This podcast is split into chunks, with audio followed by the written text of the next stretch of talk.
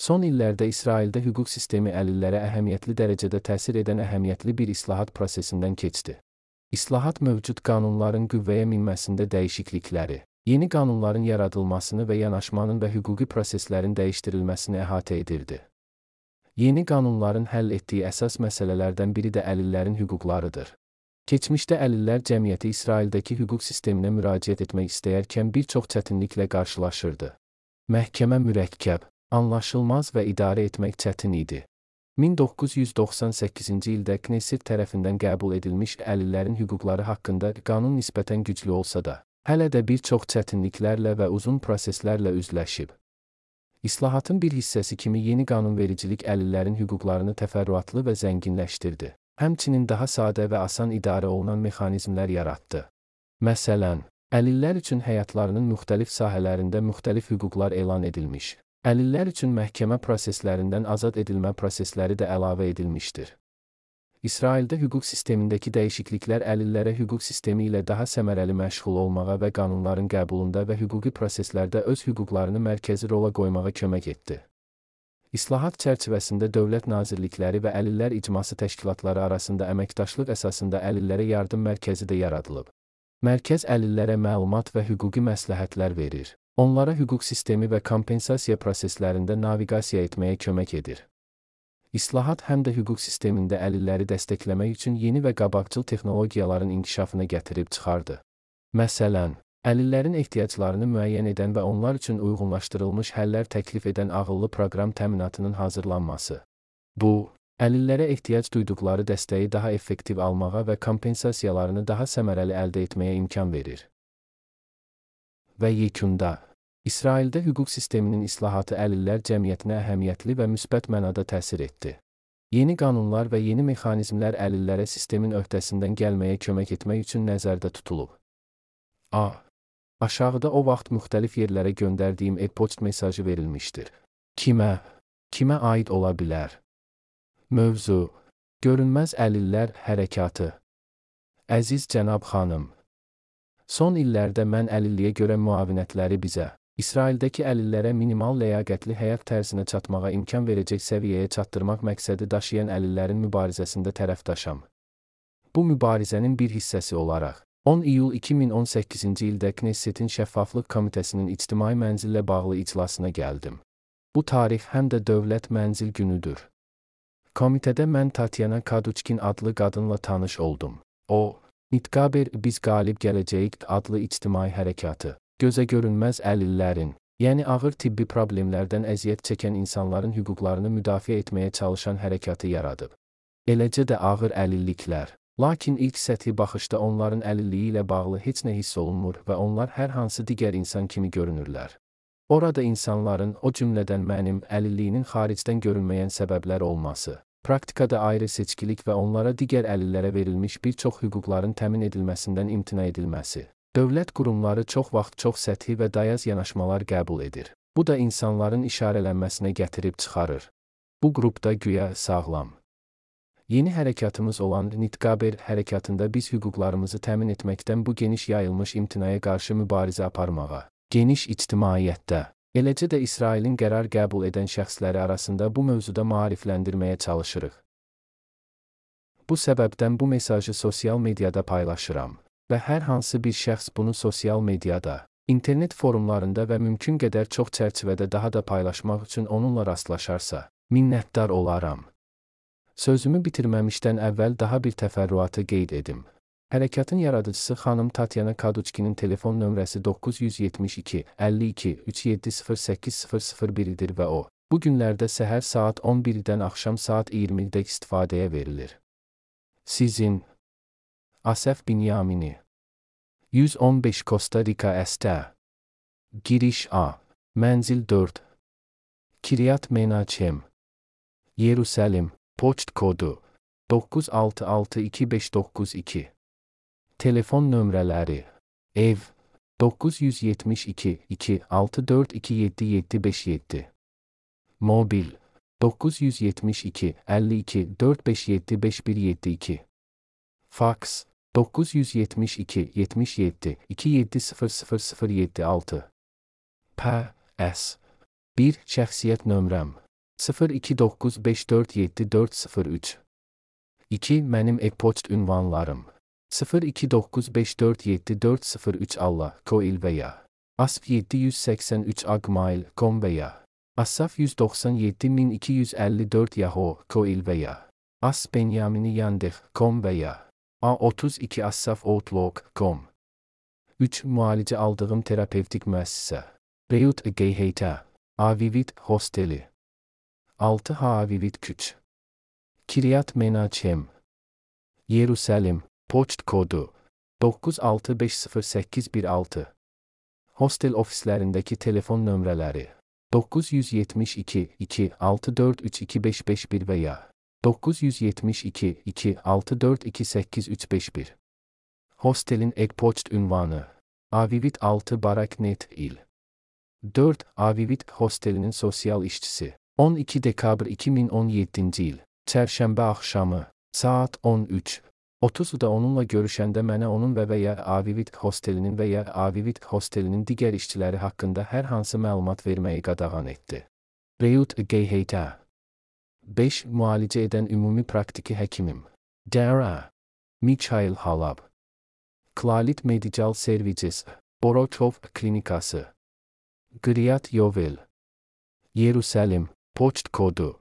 9678150 Klinikanın ofis telefon nömrəsi 972 2 6440777 Klinika ofisi faks nömrəsi 972 2 6438217 6. Əlavə şəxsi məlumatlar Yaş 47 Ailə vəziyyəti Subay Doğum tarixi 11 noyabr 1972-ci il 7. Aşağıda mətbuatda çıxan Nitqaber hərəkatının qısa izahatı verilmişdir. Adi vətəndaş Tatyana Kaduçkin görünməz əlillər adlandırdığı insanlara kömək etmək üçün Nitqaber hərəkatını yaratmaq qərarına gəlib. İndiyədək İsrailin hər yerindən təxminən 500 nəfər onun hərəkatına qoşulub. Kanal 7G müsahibəsində o, layihə haqqında və yalnız gözə görünməz olduqları üçün aidiyyatı şəxslərdən lazımi və kifayət qədər yardım ala bilməyən əlillərdən danışır. O, deyir ki, əlil əhalini iki qrupa bölmək olar. Əlil arabası olan əlillər və əlil arabası olmayan əlillər. O, ikinci qrupu görünməz əlillər kimi müəyyənləşdirdi. Belə ki, onun dediyinə görə, əlilliyi 75-100% kimi müəyyən edilməsinə baxmayaraq, əlil arabası olan əlillərə göstərilən xidmətlər eyni deyil. O izah edir ki, Bu insanlar öz yaşayışlarını təmin edə bilmirlər və əlil arabası olan əlillərin hüququ olan əlavə xidmətlərin köməyinə ehtiyac duyurlar. Məsələn, gözə görünməz əlillər Milli Sığorta İnstitutundan əlilliyə görə daha az müavinət alırlar və xüsusi xidmətlər üzrə müavinətlər və mobillik müavinətləri kimi müəyyən əlavələr almırlar. Həmçinin Mənzil Təsərrüfatı Nazirliyindən daha az müavinət alırlar. Kaduçkinin apardığı araşdırmaya görə, 2016-cı ildə İsraildə heç kimin ac qalmadığını iddia etmək cəhdinə baxmayaraq, bu görünməz əlillər yoxsuldur. Onun araşdırmaları da göstərir ki, onların intihar faizi yüksəkdir. Yaratdığı hərəkətlər görünməz əlillər ictimai mənzil növbəsinə əlavə etmək üçün çalışır. Bunun səbəbi, o deyir ki, rəsmi olaraq buna hüququ olsa da, adətən bu siyahılara daxil olmurlar. O, Knesset üzvləri ilə çoxlu görüşlər keçirir Hətta Knessetin müvafiq komitələrinin iclaslarında və müzakirələrində iştirak edir. Lakin o, deyir ki, kömək edə biləcək insanlar qulaq asmır. Dinləyənlər isə müxalifətdədir və buna görə də kömək etməkdə acizdirlər. İndi o, getdikcə daha çox görünməz əlilləri ona qoşulmağa çağırır ki, onlara kömək etsin. O, hesab edir ki, hər şey bugünkü kimi davam edərsə, Əlillərin hüquqlarını və əsas dolanışıqlarını tələb etmək üçün nümayişi keçirməkdən başqa çıxış yolu qalmayacaq. 8. Budur bizim hərəkat Facebook səhifəmizə keçid.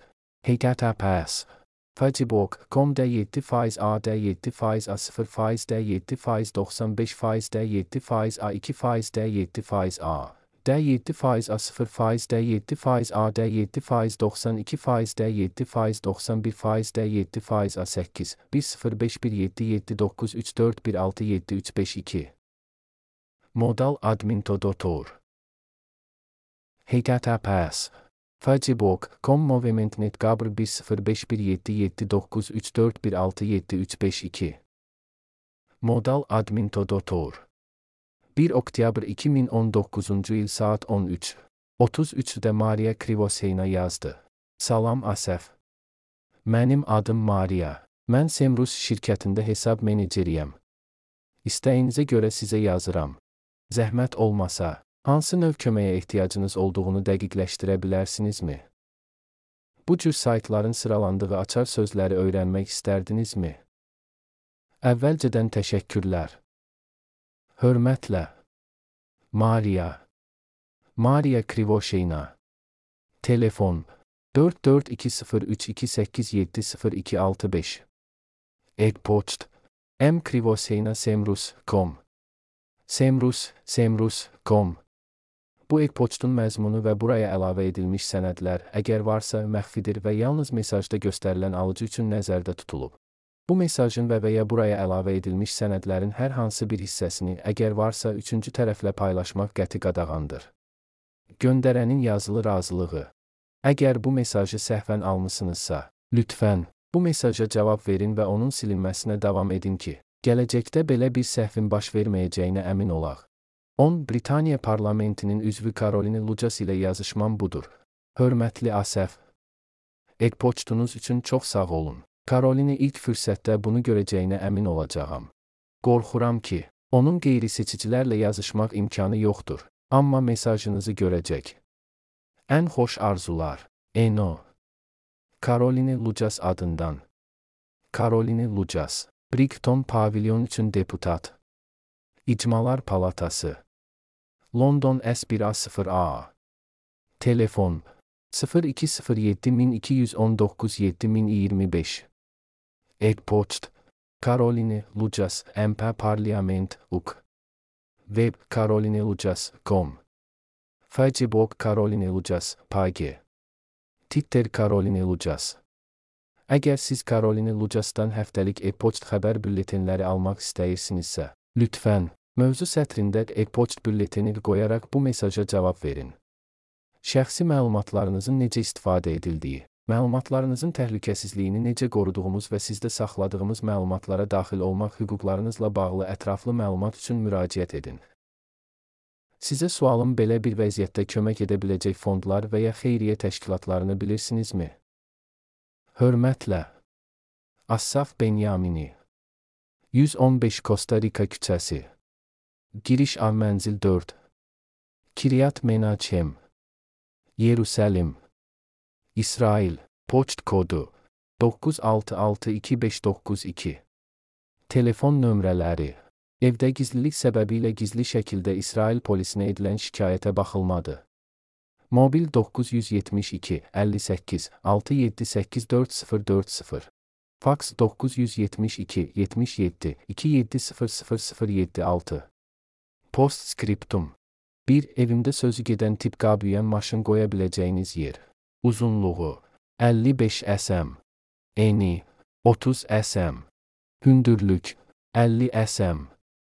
2. Şəxsiyyət nömrəm 0295474403 3. Mənim e-poçt ünvanları 0295474403 Allah Koil və ya asp 783 agmail.com və ya asaf 197254 yahoo Koil və ya as benyamini yandex.com və ya asaf benyamini hotmail.com və ya asaf 002 mail 2 orld.com və ya asaf protonmail.com və ya benyamini vk.com və ya Asaf Benyamini 163.com C. Aşağıda müxtəlif yerlərə göndərdiyim e-poçt mesajı verilmişdir. Kimə? Mən çoxdilli ay video yaratma sistemi axtarıram və pulsuz modeldə. Bu cür sistemləri mənə məsləhət verə biləcək şirkətləri bilirsinizmi?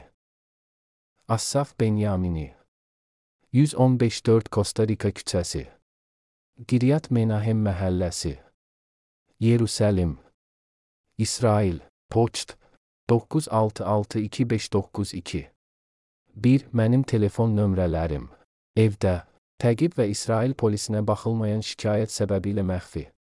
Mobil 972 58 678 4040 Faks 972 77 2700076 2. E-poçt ünvanlarım.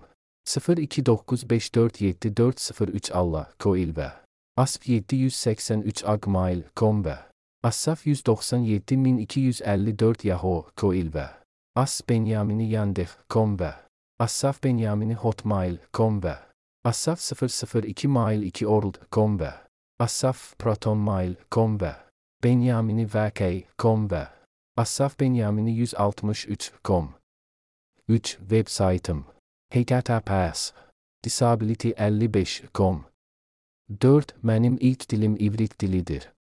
5. Mən Zoom, Skype və ya hər hansı digər video konferans proqramlarından istifadə etmirəm. D. Aşağıda internetdə proqram sistemlər üçün düşündüyüm fikirlər var. 1. İbranicə versiyalar adlı veb-sayt sistemi açın.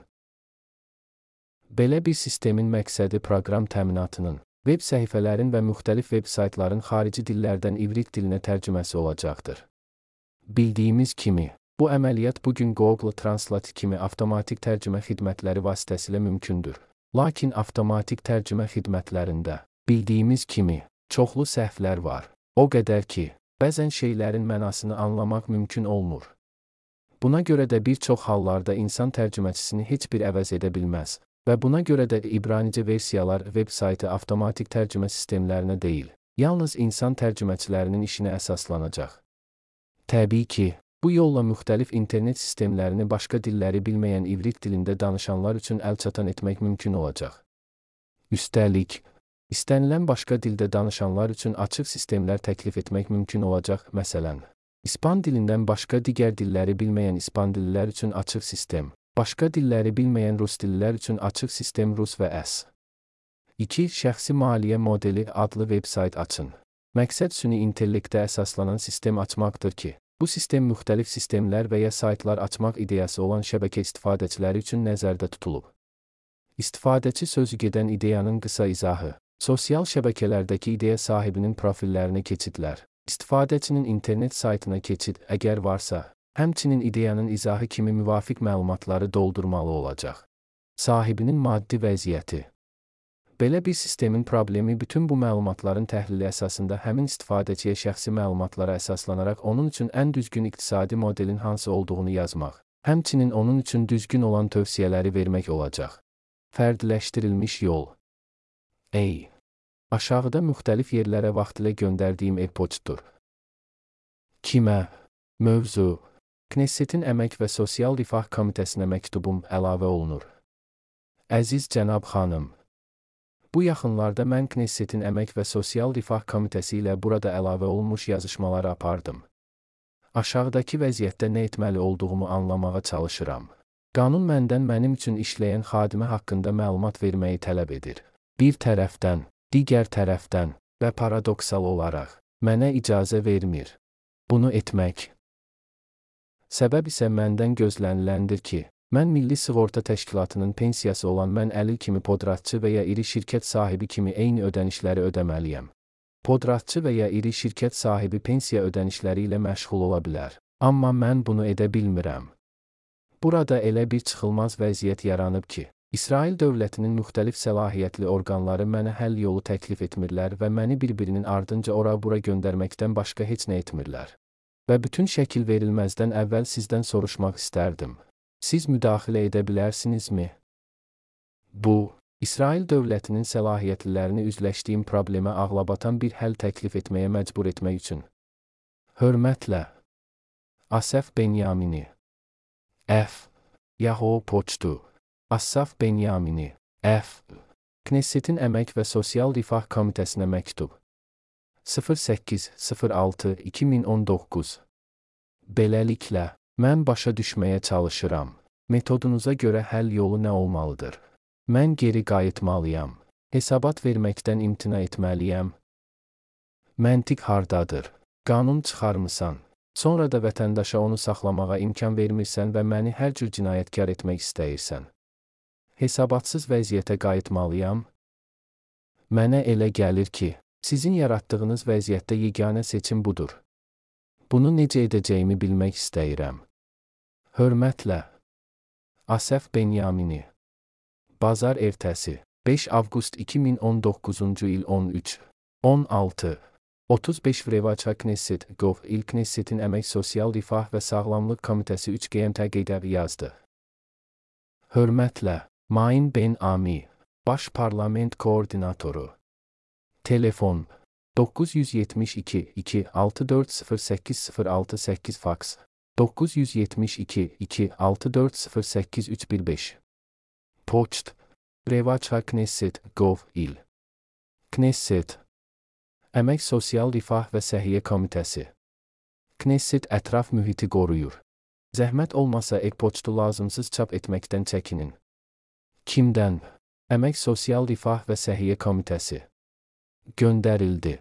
Bazar 30 iyun 2019-cu il 14 39 Asaf 197254 Yahoo Koil Geyder Cəcə Asaf 197254 Yahoo Koil. F. Asaf Benyamini. Mövzu. Knessetin Əmək və Sosial Rifah Komitəsinə məktubum Kimə? Milli Sığorta Təşkilatı İctimai Şikayətlər Şöbəsi 5-8-2019 F. Yahoo Poçtu Assaf Benyamini F. Knessetin Əmək və Sosial Rifah Komitəsinə məktubum Hörmətli cənab, bura Asəf Benyaminin məktubu əlavə olunur. Onun müraciətinə verdiyiniz cavaba görə minnətdar olacağıq. Hörmətlə, Main Ben Ami, Baş Parlament Koordinatoru. Telefon 972 2 640806 faks 972 2 6408 Poçt Brevaça Knesset Gov İl Knesset Əmək Sosial Rifah və Səhiyyə Komitəsi Knesset ətraf mühiti qoruyur. Zəhmət olmasa e-poçtu lazımsız çap etməkdən çəkinin. Forma Assaf Benyamini Assaf 197254 Yahoo Koil ünvanına gönderin. Gönderildi. Bazar 30 iyun 2019 il 14 39 Kimə? Revaça Knesset Gov İl Əmək Sosial Rifah və Səhiyyə Komitəsi.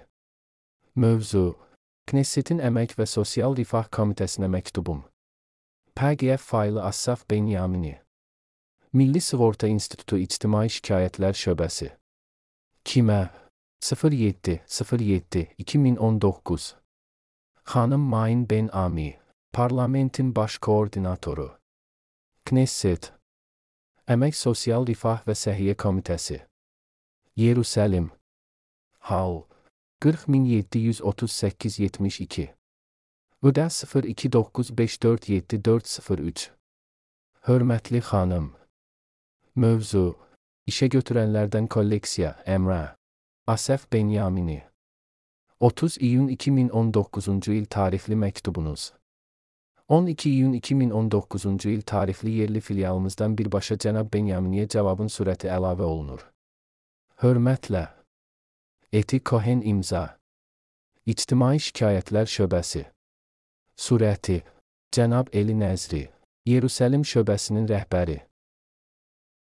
Yerusəlim, Şadə, Batsman 13 əstə, poçt indeksi 91909, telefon 972 2670970, faks 972 2652538, onlayn zənglər üçün ünvanımız BTL Gov İl 1741711 Milli Sığorta İnstitutu Yerusəlim filialı 12 iyun 2019 il.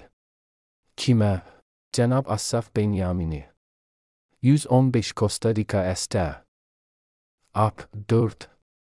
Yerusəlim 9662592. Mövzu 26 may 2019-cu il tarixli müraciətiniz. Yuxarıdakı mövzu ilə bağlı sorğunuza cavab olaraq cavab vermək istərdim ki, Ümumi əlilliyə görə müavinət alanlar ev təsərrüfatlarında işlədikləri işçilər üçün sığorta haqqı ödənişlərindən azad olunmurlar. Buna görə də sizdən qanuna uyğun olaraq ödəniş tutulur, sizə göndərilən ödəniş kitabçasında göstərilən tariflər. Qeyd etmək lazımdır ki, gündəlik fəaliyyətinizdə başqalarının köməyinə ehtiyacınız varsa, Xüsusi xidmətlərə hüququnuzu yoxlamaq üçün iddia qaldıra bilərsiniz. Hörmətlə. Ortal Mizrahi. Yerusəlim şöbəsinin rəisi. Kopyalamaq. İctimai Şikayətlər şöbəsi. Milli Sığorta İnstitutu. Baş ofis. Şimon Ben Şetak 4 küç. 91007. Telefon 972 2 6755675. Faks 972 2 6755447 Snifçerniyoy Govil. Kimə? Mövzu Məişət Əziz cənab xanım Təxminən 2018-ci ilin dekabr ayının əvvəlində mətbuatda eşitdim ki, yeni qanun var ki, evdə işləyən, təmizlik və ya digər ev işlərində ona kömək edən hər kəs işçi ilə nizamlı əmək müqaviləsi bağlayıb, ona hesabat verməlidir. Səlahiyyətlilər Qeyd edim ki, fiziki qüsurumla əlaqədar təxminən 2002-ci ildən yanıma xadimə gəlir. Pul müqabilində təmizlik işləri görür. Lakin bu müddət ərzində mən bir neçə yaşayış mənzilindən köçmüşəm. Bu faktın mövzuya aidiyyəti varmı? Və ehtiyac yarandıqca vaxtaşırı xadiməyə zəng etdim. O zaman onun normal saatları və ya iş günləri yox idi. Həm də gəliş tezliyi zaman-zaman dəyişkən idi. Son illərdə o, adətən 3 həftədə bir gəlir. Qeyd etməliyəm ki, onunla tanışlığımdan bilirəm ki, bu, yəqin ki, əmək müqaviləsinin tərtib edilməsində əməkdaşlıq etmək istəməyən bir göy qurşağı qadınıdır. Kimsə kimi. Qeyd edim ki, onunla tanışlığım bilirəm ki, bu, kasıb qadındır. Yəqin ki, əmək müqaviləsinin hazırlanmasında əməkdaşlıq etmək istəmir. Milli Sığorta Təşkilatının müavinəti ilə yaşayan biri kimi, o, yəqin ki, olmayacaq. Maraqlı idi ki, sonuncu onun başqa gəlir mənbəyini bilir. Digər tərəfdən, mən cinayətkar olmaq və ya qanunsuz hərəkət etmək istəmirəm. Necə hərəkət etməliyəm? Bunun haqqında nə düşünürsən? Hörmətlə. Assaf Benyamini. Şəxsi məlumat. Ad Asəf soyadı Benjamin. Ödə 0295474403. Tam poçt ünvanı. Asəf Benyamini. 115 Costa Rica Este. Giriş A. Mənzil 4. Kiryat Menahem. Yerusəlim. Poçt kodu 9662592. Telefon nömrələri. Evdə 972 2 6427757. Mobil 972 52 4575172. Faks 972 77 2700076. Mənim e-poçtum Allah koil 0295474403 və ya A815962 gmail.com və ya Asaf 197254 Yahoo koil və ya As Benyamini Yandex.com və ya Asaf 46 Outlook.com Mən olduğum terapevtik çərçivə Reut Assosiasiyası Avivit Hostel. 6 Havivit Küç. Kiryat Menahem. Yerusəlim İsrail. Poçt kodu 9650816 Hostel ofisinin telefon nömrələri 972 2 6432551 və ya 972 2 6428351 Hostelin elektron poçtu. Avivit 6 Barak.net il. Avivit yataqxanasının sosial işçisi onunla 12 dekabr 2017-ci il çərşənbə axşamı saat 13 30-da keçirdiyim görüşdə onun və və ya Avivit yataqxanasının və ya Reut-un digər işçiləri haqqında hər hansı məlumat verməyi qəti qadağan etdi. Assosiasiya Məni müşahidə edən ailə həkimi Dok Mikhail Halav. Klalit Medical Servis Borohov Klinikası. Borohov Küç 63 Kiryat Yuval. Yerusəlim. İsrail Poçt kodu 9678150 Klinikanın ofisinin telefon nömrələri 972 2 6440777 Klinikanın ofisinin faks nömrəsi 972 2 6438217 Yaş 46 Ailə vəziyyəti. Subay. Mövzunun sözü gedən xadiməsi. Xanım Yehudit Kohel. Onun telefon nömrəsi. 972 50 216995 və ya 972 55 2288208 Doğum tarixi 11 11 1972 İmza İvrit dilindən İngilis dilinə Tatyana Tirgumim ofisi tərəfindən tərcümə edilmişdir.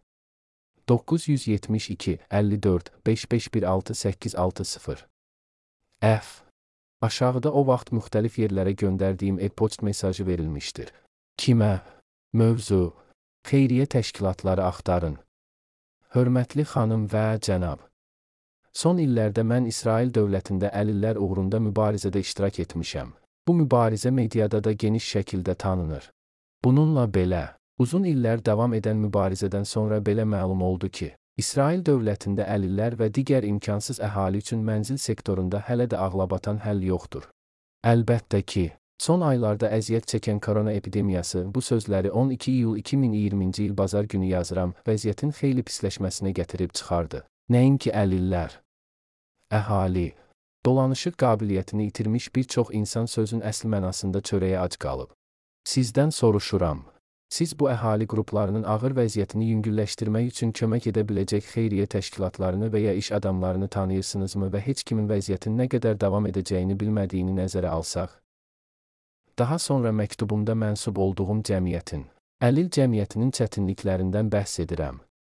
1. Şəxsiyyət nömrəm 02947403 2. E-poçtlarım 02947403 Allah, Koil və ya Abs 783 Agmail.com veya Asaf 197254 Yahoo, Koil veya As Benyamini Yandex.com veya A32 Asaf Outlook.com veya Asaf 002 Mail 2 Orld.com 3. Mənim qayğı göstərən təşkilatım.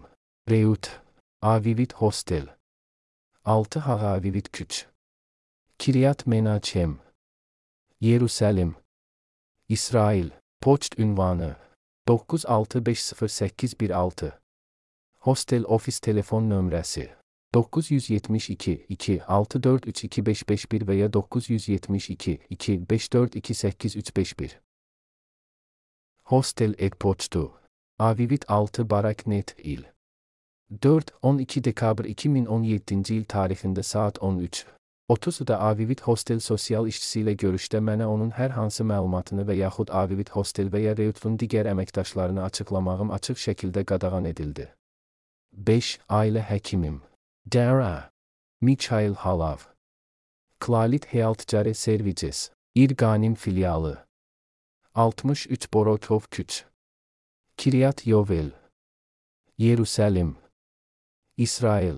Poçt 9678150 Klinika telefon nömrəsi 972 2 6440777 Faks 972 2 6438217 6. Aşağıda 2020-ci ilin yanvar ayının sonlarında Reut'dan bir sosial işçi ilə müxbirim var. 25-1-2020 Hörmətli xanım Tallotan R. 115 Costa Rica Əstə. Sizə bildirmək istəyirəm ki, qonaq otağındakı cəluzlər ilişib və onları yerindən tərpətmək mümkün deyil. Yataqxana işçisinin bunu düzəltməsi mümkündürmü? Bunu necə həll edəcəyimi və ya bunun üçün mənzil sahibinə zəng etməli olduğumu bilmirəm. Nə fikirləşirsən? Hörmətlə. Assaf Benyamini, Avivit yardımçı yataqxanasının sakini. Pass. Mən bu yaxınlarda sizə əlavə olunmuş məktubu İsrail Poçt şirkəti vasitəsilə adi poçtla göndərdim. Orada verdiyim suala cavab versəniz şad olaram. 12-1-2020 Hörmətli xanım Tallotan R. İcarə müddəti Mənzilimin icarə müddəti 14 iyul 2020-ci il tarixində başa çatır. Hesab edirəm ki, Mənzil sahibinin icarə müddətini uzatmağa razı olub olmadığını aydınlaşdırmasını xahiş etmək üçün imkan var. Qeyd edim ki, mənzildə yaşamağa davam etmək istəyirəm. Lakin mənzil sahibi icarə müddətini uzatmaq istəmirsə, buna uyğun hazırlaşmalı və başqa mənzil axtarmağa başlamalıyam. Hörmətlə. Assaf Benyamini, Avivit yardımlı yaşayış yataqxanasının sakini. PS şəxsiyyət nömrəm 0295474403 Sosial işçi Tallotan 10A məktubum. Yahoo daxil olan poçt.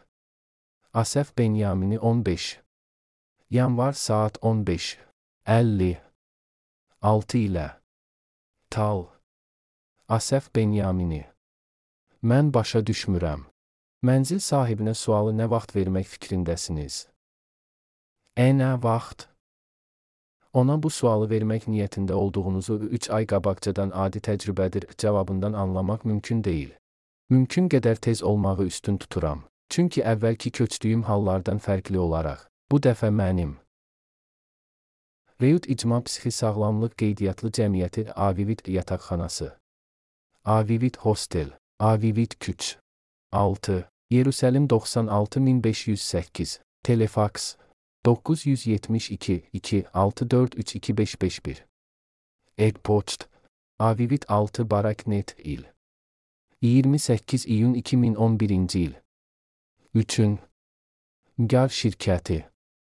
R Assaf Binyamini İd Yox 295474403 Psixososial hesabat Ümumi məlumat Asəf 1972-ci ildə anadan olub. Bakalavr. Reabilitasiya səbəti adından qorunan yaşayış sığınacaqlı mənzil statusunda Harakefet küçəsindəki mənzildə tək yaşayır. Fonda əlillik müavinəti ilə dolanır. Əqli əlillikdən. Asəf 4 nəfərdən ibarət ailənin böyük oğludur. Valideynləri onun 8 yaşında ikən boşanıb. Evlilikləri zamanı valideynləri arasındakı münasibətlərin sərt olduğu bildirilir. Ata ikinci dəfə evləndi və Asəfin bu evlilikdən üç bacısı var. Boşandıqdan sonra Asəf anası və bacısının yanında qaldı. Asəf uşaqlıqdan emosional və motorik çətinliklərdən əziyyət çəkirdi. 4 yaşında yaşayış yerini dəyişdikdən sonra danışmağı dayandırdı. O, terapevtik uşaq bağçasında psixoterapiyaya göndərilib. Asəf sakit, özünü təcrid edən uşaq idi. Günorta saatlarını tarix kitabları oxuyur, kompüterdə işləyir. Yeganə ictimai fəaliyyəti şahmat oyunları çərçivəsində olurdu. Yeniyetməlik illərində onun psixi sağlamlıq vəziyyəti kəskin şəkildə pisləşdi. O, atasının həyat yoldaşına qarşı başqaları ilə yanaşı, təqib xəyalları okunmaz inkişaf etdirdi. İntihar cəhdi nümayiş etdirildi və o, GEHA Psixi Sağlamlıq Mərkəzində bir neçə dəfə xəstəxanaya yerləşdirildi. Onu reabilitasiya etmək cəhdi Petah Tikvadakı yataqxanada həyata keçirildi. Lakin bu, uğursuz oldu. Bu yaşdan etibarən heç bir çərçivəyə inteqrasiya olunmayıb sosial rədd edilmiş uşaq olub. Qəribə davranışları da ətrafdan ona qarşı böyük aqressiyaya səbəb olub və bu, onun vəziyyətini daha da pisləşdirib. 20-ci illərin əvvəllərində Asəf müxtəlif simptomlardan əziyyət çəkirdi. Əsas simptomlar obsessiv-kompulsiv idi. O cümlədən özünə zərər vermə, fiziki özünə zərər vermənin bu cür təzahürləri heç vaxt bu şəkildə geri qaytarılmadı. Lakin hazırda Asəf özünü incidir. Şəkildə o, cəmiyyətlə və onu əhatə edən reallığın öhdəsindən gəlmək üçün istifadə edir və bu məsələ ilə bağlı davamında əlavə məlumat veriləcəkdir. 2004-cü ildə Asəf Kfar Şaulda reabilitasiya şöbəsində xəstəxanaya yerləşdirildi və oradan Enos Psixi Sağlamlıq Dərnəyinin müşayiəti ilə qorunan bir yerə sığınacaqlı mənzil köçdü. Reabilitasiya şöbəsində müalicə aldığı illər ərzində vəziyyəti yaxşılaşmış, obsessiv-kompulsiv əlamətlər xeyli zəifləmiş, heziyan və ya hallusinasiya kimi psixotik məzmun müşahidə edilməmişdir.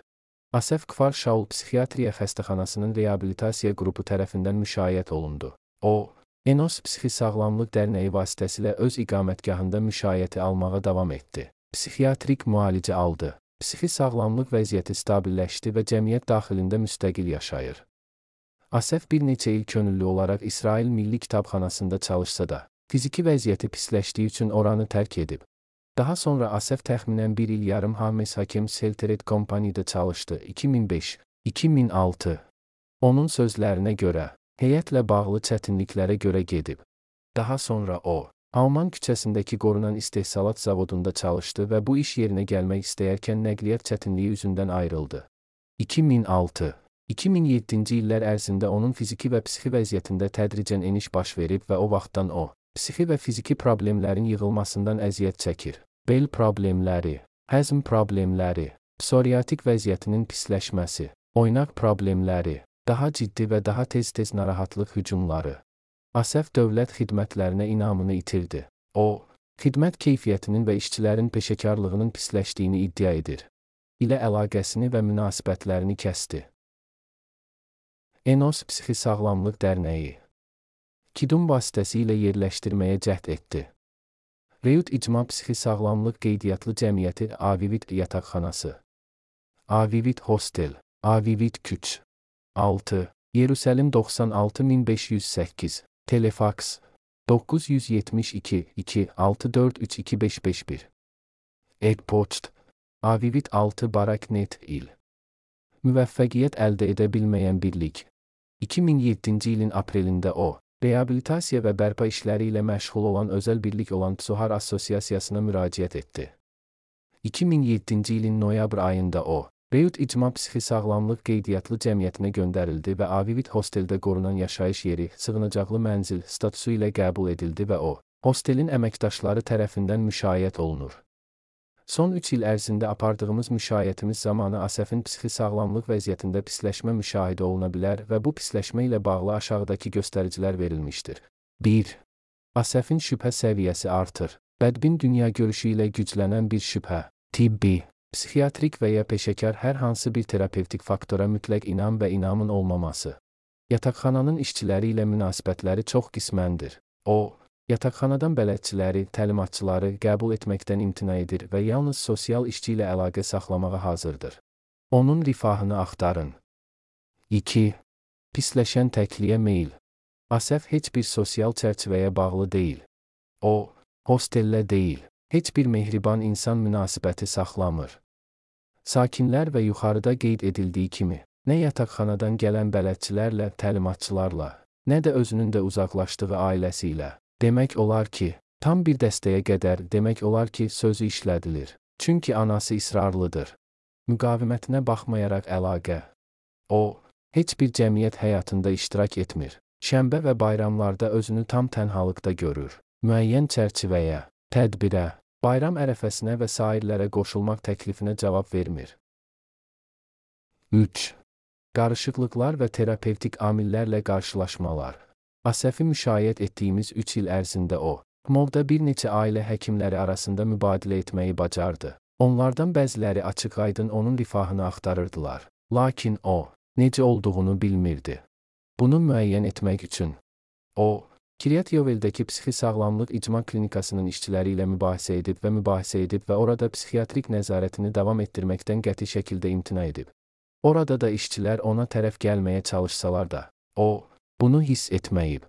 Bu hekayədən ən çox əziyyət çəkənin özü olmasına baxmayaraq, o, alternativ psixiatriya nəzarəti almaq üçün psixi sağlamlıqla bağlı hər bir quruma müraciət edib. Nəhayət, İrqənim Hmoya müraciətimizdən sonra Hmovda tələb olunan nəzarətin aparılmasına imkan verən qanunun hərfindən kənar müəyyən tənzimləmə əldə olundu.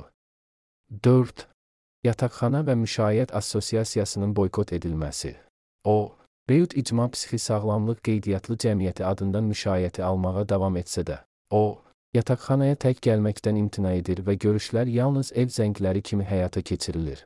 Onun şübhəsi və düşmənçiliyi hostelin əməkdaşlarına və sakinlərinə yönəlib və hətta müşayiətçinin özündən şikayətlər yazır və xeyli şikayətlənir. Buna baxmayaraq, müəyyən səviyyədə normal reallıq mühakiməsi mövcuddur və qəzəb və şikayətlərə baxmayaraq, o, bizimlə də əlaqəni kəsməkdən indiyə qədər çəkinir. 5. Artan narahatlıq səviyyəsi. Asəf həm psixiatrik sağlamlığı, həm də yerləşmə variantları, həm də maddi və eksistensial baxımdan gələcək gələcəyi ilə bağlı çox narahatdır. Bu səviyyəli narahatlıq onu dözülməz qıtlıq və sıxıntı içində yaşamağa məcbur edir. 6. Gündəlik həyatında çəkinmə və qənaətçilik. Asəf yaxın gələcəkdə evsiz qalacağına əmindir və öz düşüncələri ilə elektrik enerjisinə qənaət edir və hər hansı digər xərclərə qənaət edir və buna görə də belə etmir. Qışda mənzilini qızdırır, Yeməyini qızdırmaz və özünə heç bir həzz və ya məmnunluq yaşamağa imkan vermir. O, həmçinin diş müalicələri və ya çəkdiyi fiziki əzabları və ağrıları yüngülləşdirə biləcək dərmanlar kimi sağlamlıq məsələlərinə gəldikdə qənaət edir. Reyut İcma Psixi Sağlamlıq Qeydiyyatlı Cəmiyyəti Avivit Yataqxanası Avivit Hostel Avivit Küç 6. Yerusəlim 96508 Telefaks 02 6432551 Ekpoçt Avivit 6 Baraknet il 7. Hekayəsinin ürəyinə toxuna biləcəyini düşündüyü hər bir amillə yazışmaq və yazmaq. Bununla da geniş yazışmalarda ona köməklik etmək onun həyat təcrübəsinə çevrilib. Yazır, fotoşəkillər çəkir və bəzən onlarla nüsxə yayır. Hökumət aparatlarına, Knesset üzvlərinə, dövri nəşrlər və jurnallar, assosiasiyalar, hüquq firmaları, özəl qurumlar və qurumlar, iş yerləri və əs. Əksər hallarda heç bir cavab almır. Müəyyən hallarda ona müəyyən diqqət yetirilir. Bu təcrübə onun həyatına məna və məzmun qazandırır. Onun sözlərinə görə, nə qədər ki, sağdır, davam edəcək və bu onun layiq olduğu hüquqlar uğrunda mübarizə üsuludur. 8. İş yerlərinə uyğunlaşmaqda çətinliklər. Bütün müddət ərzində Asəf hər dəfə çətinliklər və ya əlçatanlıq və ya iş şərtləri ilə bağlı şikayətlər əsasında bir neçə iş yerini dəyişdi. Ancaq onu da qeyd edək ki, bu yaxınlarda o, özünə həftədə üç dəfə iş yeri tapıb və indiyə qədər ondan razıdırlar. Asəfin özü də bu yerə o qədər də inamı yoxdur. Hələ bu gündən etibarən və son iki aydır ki, səbr etməyi bacarıb.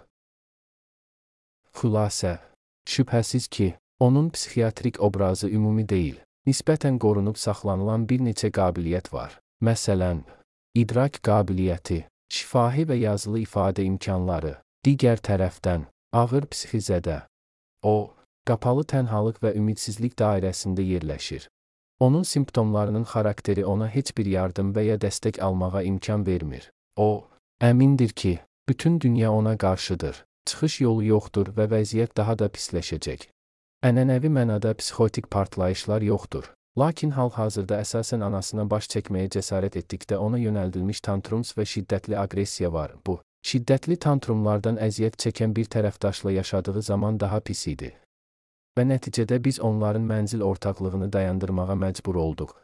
Asəfə gəlincə, sensasiya ondan ibarətdir ki, bütün struktur germetik paranoid quruluşdur. Onun reallıq mühakiməsi çox qüsurlu və qeyri-adekvatdır və bu, ona kömək etmək istəyən adamları müəyyən etmədikdə və hamını itələdikdə xüsusilə aydın görünür. Hər hansı bir insan emosiyasının olmamasına qədər təsirin azaldığını, Hətta gündəlik təmasda olduğu yaxın adamlara və ya baxıcılara terapevtlərə münasibətdə də müşahidə etmək mümkündür. Onu idarə edən dominant emosiya getdikcə pisləşən ümidsizlikdir. Bu, onun həyat keyfiyyətinə təsir edir. Hətta onun yaşadığı son dərəcə aşağı həyat səviyyəsini qeyd etmək olmaz. Onun reallıq mühakiməsi çox qüsurlu və qeyri-adekvatdır və bu, ona kömək etmək istəyən insanları müəyyən etmədikdə və hamını itələdikdə xüsusilə aydın görünür hər hansı bir insan emosiyasının olmamasına qədər təsirin azaldığını, hətta gündəlik təmasda olduğu yaxın adamlara və ya baxıcılara terapevtlərə münasibətdə də müşahidə etmək mümkündür. Onu idarə edən dominant emosiya getdikcə pisləşən ümidsizlikdir. Bu, onun həyat keyfiyyətinə təsir edir. Hətta onun yaşadığı son dərəcə aşağı həyat səviyyəsini qeyd etmək olmaz. Onun reallıq mühakiməsi çox qüsurlu və qeyri-adekvatdır və bu, Ona kömək etmək istəyən insanları müəyyən etmədikdə və hamını itələdikdə xüsusilə aydın görünür. Effektin azaldığını, hər hansı bir insan duyğunun olmamasına qədər müşahidə etmək mümkündür. Hətta gündəlik təmasda olduğu yaxın adamlara və ya baxıcılara terapevtlərə münasibətdə. Onu idarə edən dominant emosiya getdikcə pisləşən ümidsizlikdir.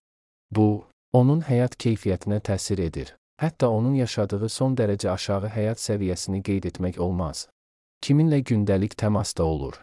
Onu idarə edən dominant emosiya getdikcə pisləşən ümidsizlikdir.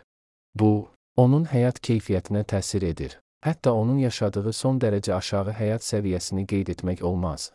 Kiminlə gündəlik təmasda olur. Onu idarə edən dominant emosiya getdikcə pisləşən ümidsizlikdir. Bu, onun həyat keyfiyyətinə təsir edir. Hətta onun yaşadığı son dərəcə aşağı həyat səviyyəsini qeyd etmək olmaz.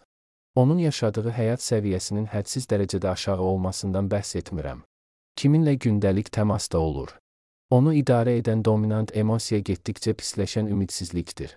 Bu, onun həyat keyfiyyətinə təsir edir. Hətta onun yaşadığı son dərəcə aşağı həyat səviyyəsini qeyd etmək olmaz. Kiminlə gündəlik təmasda olur. Onu idarə edən dominant emosiya getdikcə pisləşən ümidsizlikdir. Bu, onun həyat keyfiyyətinə təsir edir. Hətta onun yaşadığı son dərəcə aşağı həyat səviyyəsini qeyd etmək olmaz. Onun yaşadığı həyat səviyyəsinin hədsiz dərəcədə aşağı olmasından bəhs etmirəm. Kiminlə gündəlik təmasda olur? Onu idarə edən dominant emosiya getdikcə pisləşən ümidsizlikdir. Bu, onun həyat keyfiyyətinə təsir edir. Hətta onun yaşadığı son dərəcə aşağı həyat səviyyəsini qeyd etmək olmaz. Kiminlə gündəlik təmasda olur? Onu idarə edən dominant emosiya getdikcə pisləşən ümidsizlikdir. Bu, onun həyat keyfiyyətinə təsir edir. Hətta onun yaşadığı son dərəcə aşağı həyat səviyyəsini qeyd etmək olmaz. Pisləşməyə davam edən. Bu, onun həyat keyfiyyətinə təsir edir. Hətta onun yaşadığı son dərəcə aşağı həyat səviyyəsini qeyd etmək olmaz. Pisləşməyə davam edən. Bu, onun həyat keyfiyyətinə təsir edir. Hətta onun yaşadığı son dərəcə aşağı həyat səviyyəsini qeyd etmək olmaz. Son iki ildə onu müşayiət edən şəxs kimi və onu müalicə edən psixiatrla apardığı söhbətlərdən şübhəsiz ki, onun davranış çətinlikləri, psixi problemləri, tantrumları və bu kimi hallar ondan qaynaqlanır və ondan qaynaqlanır. Onun psixi pozğunluğu və buna görə də küt, təhqiredici və hədsiz davranışı da onun problemlərinin ayrı bir hissəsi kimi deyil, simptomu kimi qəbul edilməlidir. Naomi Harpaz Sosial işçi Avivit Hostel İrgənim 8 aşağıda əlillərin mənzil şəraiti ilə bağlı bəzi izahatlar təfsilatlar verilmişdir. 1. İcarənin maliyyələşdirilməsi ödənilməsi problemi. Uzun illər əvvəl və kim tərəfindən aydın deyil. Amma yəqin ki, hansısa dövlət məmuru icmada yaşayan əlillərin kirayə haqqını ödəmək üçün ayda 770 NOS almaq hüququna malik olması qərara alınıb. Məlum olduğu kimi, İsraildə ev qiymətləri bahalaşıb. Son illərdə təbii olaraq kirayəni də çəkir. Amma heç bir izahat və ya məntiq olmadan illər əvvəl tamamilə öz başına təyin edilmiş NOS 770 rəqəmi yenilənməyib. Təəssüflər olsun ki, hər bir tərəfə, Mənzil İnşaat Nazirliyinin müxtəlif stollarına, digər nazirliklərə, digər nazirliklərə, eləcə də hər bir tərəfə göndərilən geniş yazışmalardan minlərlə, hətta on minlərlə məktublar və bu müəllifin təəssüfü ilə desək, Bu rəqəmlər mübaliğə deyil. Sonra da, məsələn, Maliyyə Nazirliyi və Baş Nazirlik aparatı, bu müəllifin bir çoxu şəxsən danışdığı çoxsaylı jurnalistlər, çoxsaylı vəkillər, hətta istintaq firmaları və xarici ölkələrin səfirlikləri heç nə kömək etmədi. Nəticə odur ki, yardımın miqdarı yenilənməyib və bir çox əlillər qışda aclıqdan, susuzluqdan və ya soyuqdan, yayda isə istidən və susuzluqdan ölmək üçün küçələrə atılır. Qeyd etmək lazımdır ki, YEDİD İcmanın Gücləndirilməsi Assosiasiyası və bu müəllifin uyğun olduğu universitet və kolleclərin hüquqi yardım klinikaları heç vaxt sadə bir səbəbdən kömək edə bilmirlər. NS 770 yardımının məbləği qanunla müəyyən edilir və hüquq təşkilatları mövcud qanunun həyata keçirilməsinə kömək edə bilər. Qanunvericiliyə düzəlişlərə ehtiyac duyulan yeganə ünvan Knessetdir. Lakin işlər daha da mürəkkəbləşir. Məlum olduğu kimi, Uzun müddətdir bu sətirlər 17 yanvar 2020-ci il cümə günü yazılmışdır. İsrail bir-birinin ardınca seçki kampaniyasında, hətta bundan sonra 6 həftəyə planlaşdırılan 3-cü seçkilərdə də iştirak edir. Mütləq fəaliyyət göstərən hökumətin qurulmasını müjdələməyəcək. Qeyd etmək lazımdır ki, hətta Knesset və hökumət bu müəllifin, əlil təşkilatlarının və bir çox digər şəxslərin yardımla bağlı sorğularına cavab verdikdə belə, Knesset üzvləri sorğuları avtomatik olaraq hüquq müdafiə təşkilatlarına yönləndirirdilər. Bu halda təşkilatların ünvan olmadığını tam bilirlər. Onlar özləridir. 2. Mənzil sahibləri ilə ünsiyyət. Əlillərin əlillik və ya xəstəlik səbəbindən mənzil sahibləri ilə danışıqlar aparmaqda çətinlik çəkdiyi bir çox hallar var. Bu şəraitdə sosial işçilər vasitəçi kimi xidmət etməlidirlər və əksər sosial işçilər hər bir halda bu rolu həqiqətən öz üzərinə götürə bilməzlər. Üstəlik, son illərdə sosial işçi vəzifələrinin sayında dərin ixtisar, ağır iş şəraiti, aşağı maaş, tez-tez xəstələrin ailələri tərəfindən qeyri-düzgün rəftarla yanaşı, çox vaxt əsassız olaraq sosial işçiləri öz qohumlarının səhv qayğısına görə məsuliyyət daşıyan xəstələr hesab edirlər. Almaq, qeyri-mümkün iş yükü ilə birləşərək, bəzən onları təcili və ya təhlükəli işlərə laqeyd yanaşmağa məcbur edir. Əlillərin uyğun mənzil tapmaqda və sosial işçinin ona kömək etməsində çətinlikləri artırır. 3. Xəstələrin ödəmə vasitələri. Elə hallar olur ki, bir şəxs uzun müddət xəstəxanada qaldıqdan sonra cəmiyyətdə yaşamağa köçür və normal həyat vərdişləri, məsələn, işə getmək və ya həyatını idarə etmək üçün məsuliyyət daşımır. Çox vaxt lizinq müqaviləsinin bağlanması şərtləri, məsələn, zəmanət çeki həyatlarının bu mərhələsində insanlar üçün əlçatmaz olur. Əvvəlki müalicə və reabilitasiya strukturları bu müəllifin 25 il əvvəl xəstəxanadan evə buraxılarkən istifadə etdiyi biri son illərdə bağlanmış və ya fəaliyyətini dayandırmış. Bununla da insanların həyatlarının bu mərhələsində reabilitasiyasının qarşısını almışdır. Bu kritik müalicə və reabilitasiya strukturları olmadan irəliləyiş əldə edə bilməyən. 4. Tənzimləmə problemləri. Hazırda bir tərəfdən mənzil sahiblərinin, Digər tərəfdən kirayəçilərin hüquq və vəzifələri ilə bağlı tam balanssızlıq mövcuddur. Bir çox qanunlar mənzil sahiblərini kirayəçilər tərəfindən icarə müddətindən sui-istifadə hallarından qoruyur. Əksinə, kirayəçiləri mənzil sahibləri tərəfindən sui-istifadədən qoruyan qanunlar yoxdur. Nəticə etibarı ilə icarə müqavilələrinə bir çox qalmaqallı, qəddar və bəzən hətta qeyri-qanuni müddəalar daxildir və icarə müqavilələrini imzalamağa məcbur olan icarəçiləri qoruyan qanunlar yoxdur.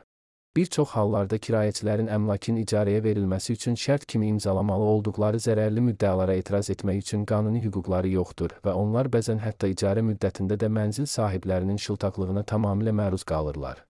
Bu, təbii ki, ümumi əhali üçün problemdir. 5. İzahlarda çətinliklər Qaldırılan çətinliklər və lazımi düzəlişlərin edilməsi məqsədilə onların ictimai arenada açıqlanması ilə bağlı ciddi çətinliklər var. Mövzu ilə maraqlanmayan müxtəlif medianın aktual prioritetləri, əlil təşkilatları arasında bölünmə, yaşadığımız cəmiyyətdə bir çox tərəflərin maraq göstərməməsi vəziyyəti düzəltmək və yaxşılaşdırmaq səylərində fəal rol alması və əs. Knesset üzvlərini qanunlara məhəl qoymamaq və heç nə etməməkdənsə, onlara düzəlişlər etməyə məcbur edəcək şəkildə bu problemlər haqqında ictimaiyyətin məlumatlılığını artırmaq səylərinə böyük mane olur. Reklam kampaniyasının başlaması ilə bağlı başqa bir çətinlik var. 9-28 apreldə açdığım YouTube kanalına keçid 2020. HTTPS YouTube.com channel Wujahay 17 MKV Elvəcəngəyən 9 GLZRG 10-10 Avqust 2018-ci ildə biz edəcəyik adlı ictimai hərəkata qoşuldum. Qalib gəl, maraqlarını təmsil etməyə çalışan hərəkat. Şəffaf əlillər, yəni Vətəndaş və sosial hüquqları çox geniş miqyasda inkar edən görünməzlikdən nəzərə çarpacaq dərəcədə kənar olmayan ciddi sağlamlıq problemlərindən əziyyət çəkən insanlar. Onun direktoru və hərəkatın təsisçisi Tatyana Kadoçkindir. 972 52 3708001 telefon nömrəsi ilə Yəhudi və İsrail bayramları istisna olmaqla. Bazar cümə axşamı saat 11 00-dan 20 00-a qədər əlaqə saxlamaq olar. Mən bununla bizim linkə əlavə edirəm. Hərəkatın saytı https nitqabir.com 11 mənim telefon nömrələrim. Evdə 972 2 6427757. Mobil 972 52 457 5172. Faks 972 77 270076. 12 ətraflı şəxsi məlumatlar. Doğum tarixi 11 noyabr 1972 ailə vəziyyəti. Subay Gey İsrail dövlətinin Rifah və Sosial Xidmətlər Nazirliyi uzun illər ruhi xəstələri müalicə etməkdən qəti şəkildə imtina etdi. İsraildə ruhi xəstələrə qulluq etmək Səhiyyə Nazirliyinə həvalə edilib. Səhiyyə Nazirliyinin təxliyə edilən psixi qüsurlu şəxsə kömək edə bilmədiyi hallarda isə Rifah Nazirliyinə göndərilirdi və buna baxmayaraq, Səhiyyə Nazirliyinin əməkdaşları həmişə yaxşı bilirdilər ki, Rifah Nazirliyi bu xəstəliyə qarşı mübarizə aparmır. Əqli cəhətdən qüsurlu. Rifah Nazirliyi öz növbəsində ruhi xəstələrə gəldikdə heç vaxt müalicəyə razılıq vermədi və həmin şəxsi yenidən Səhiyyə Nazirliyinə göndərəcəkdi. Bu, elə bir vəziyyət yaratdı ki, Rifah Nazirliyinin köməyinə ehtiyacı olan ruhi zədəli insanlar əslində Qırıq bir çuxurla üzləşdilər və müxtəlif hökumət nazirlikləri ehtiyacı olan ruhi zədələnmiş şəxsi bir yerdən irəli geri göndərməkdən başqa heç bir iş görməyəcəkdi. Ofis başqasına. Qeyd edək ki, bu sətirlərin müəllifi bu halla dəfələrlə qarşılaşıb. Bu günə qədər reallıq belə olub. Bu sözlər 2 aprel 2023-cü il, bazar günü Pasxadan bir neçə gün əvvəl yazılıb. Amma son bir ildə dəyişiklik olub və bu, qanunvericiliklə bağlıdır. Qanun hüquqları əlilliyi olan insanların rifahı mətn ivrit dilindədir. Burada deyilir ki, müəyyən hallarda Sosial İşlər Nazirliyi Səhiyyə Nazirliyində eyni vaxtda müalicə olunan ruhi zədələnmişlərə kömək edə bilər. Bu qanun 22 iyul 2022-ci ildə İsrail dövlətinin qanunlar kitabında qeydə alınıb. Bu gün 2 aprel 2023-cü il, bazar günü, İsrail dövlətində Rifah Nazirliyinin həqiqətən ruhi zədələnmişlərə kömək edə biləcəyi halların və ya vəziyyətlərin nə olduğu aydın deyil. Hesab edirəm ki, bu məlumat Rifah Nazirliyinin əməkdaşlarına, Səhiyyə Nazirliyinin əməkdaşlarına, eləcə də ruhi zədələnmiş ictimaiyyətə mümkün qədər asan və sadə şəkildə çatdırılmalıdır. Qeyd etmək istərdim ki, əlilliyi olan şəxslərin rifah hüquqları haqqında qanuna əlavə etdiyim keçid qanunun mətni ivrit dilindədir. NIN internet saytı İzzi Şapiro ev. Hey! Aşağıda Facebook sosial şəbəkəsində paylaşdığım yazıları təqdim edirəm. 1. Aşağıda Sufersal şəbəkəsinin Facebook səhifəsində yazdığım yazı. Şalom Şufersal zənciri. Bu gün saat 13:00-da çatmalı olan çatdırılma sifariş etdim. Müştəri xidmətlərinizlə telefonla əlaqə saxlamağa çalışanda Telefon xəttinin digər ucundakı 1 856 56 56 nömrəsinə heç kim cavab vermir. Göndərmənin yalnız saat 16 22-də çatacağını bildirən avtomatlaşdırılmış cavab var. Odur ki, sizdən soruşuram. Şəhərdaxili çatdırılmada 3 saatdan çox gecikmə sizə məntiqli və ya ağlabatan səslənirmi? Bu o deməkdirmi ki, mən bundan sonra çatdırılmanı onun gəlməsini istəməzdən təxminən 3 saat əvvəl sifariş etməliyəm, yəni saytınızda saat 11 00-a işarə etməliyəm ki, çatdırılma saat 14 00-a çatsın. 13 00-da qeyd olunsun. Əgər mən çatdırılmanın 16 00-a çatmasını istəsəm və əs. Və niyə müştəri xidmətləri telefona cavab vermir? Mən mütləq daha məqbul xidmət gözləyirəm. Geciksən belə, heç olmasa telefona cavab ver. Asəf Benjamin 2. Sən göndərdin. Şufer Sal Şaloma Bu gün saat 13:00-da çatmalı olan çatdırılma sifariş etdim. Müştəri xidmətlərinizlə telefonla əlaqə saxlamağa çalışanda Telefon xəttinin digər ucundakı 1 856 56 56 nömrəsinə heç kim cavab vermir. Göndərmənin yalnız saat 16 22-də çatacağını bildirən avtomatlaşdırılmış cavab var. Odur ki, sizdən soruşuram. 1. Şəhər daxilində çatdırılmada 3 saatdan çox gecikmə sizə məntiqli və ya ağlabatan səslənirmi? 2. Bu o deməkdirmi ki, mən bundan sonra çatdırılmanı onun gəlməsini istəmədən təxminən 3 saat əvvəl sifariş etməliyəm, yəni ünvanınızı saat 11 00-a qeyd etməliyəm ki, çatdırılma 14 00-da gəlsin. 13-yu qeyd edin. 00 Əgər mən çatdırılmanın 16 00 0-0 çatmasını istəsəm və buna bənzər? 3. Bəs niyə sizin müştəri xidmətləri telefona cavab vermir? Mən mütləq daha məqbul xidmət gözləyirəm. Geciksən belə, heç olmasa telefona cavab ver. Asəf Benjamin Şufersal Şufersal Salam, Tamar Sən göndərdin. Bəs nə olacaq? Niyə gəlmirsən? Və sən niyə telefona cavab vermirsən? Niyə? Sadəcə bezdim. Şufer sal. Şufer sal. Əvvəla, baş verən hadisə bəzən baş verən gecikmədir. Yükləmədə gecikmə oldu və ona görə də gecikmə oldu. Siz haqlısınız ki, Gecikməyə səbəb bizim tərəfimizdən yanlışdır və telefona cavab vermirik. Amma xəttimiz həmişəki kimi işləyir və zəngləri həmişəki kimi qəbul edirik. Zənginizi niyə almadığımızı bilmirəm.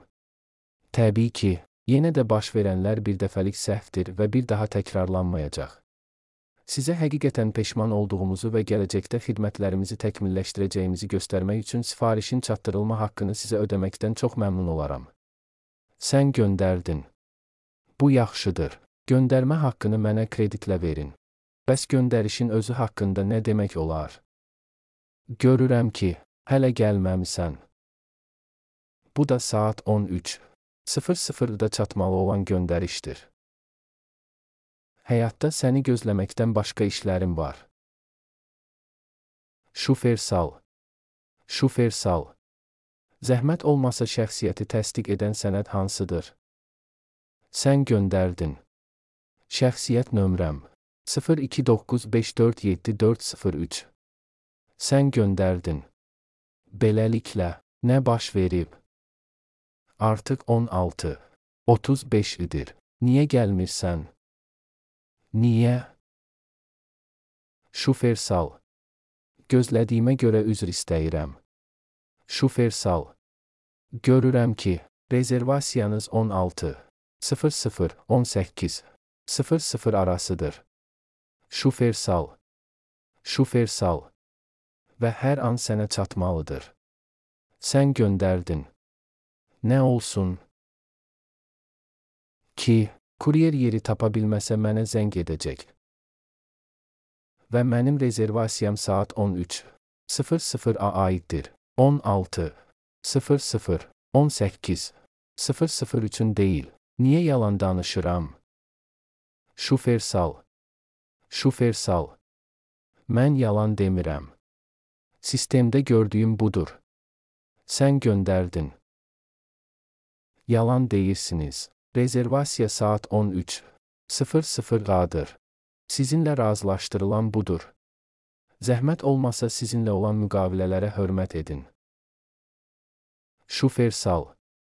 Şufer sal. Bir nasazlıq var idi. Mən bunu aydınlaşdırmaq üçün ötürürəm.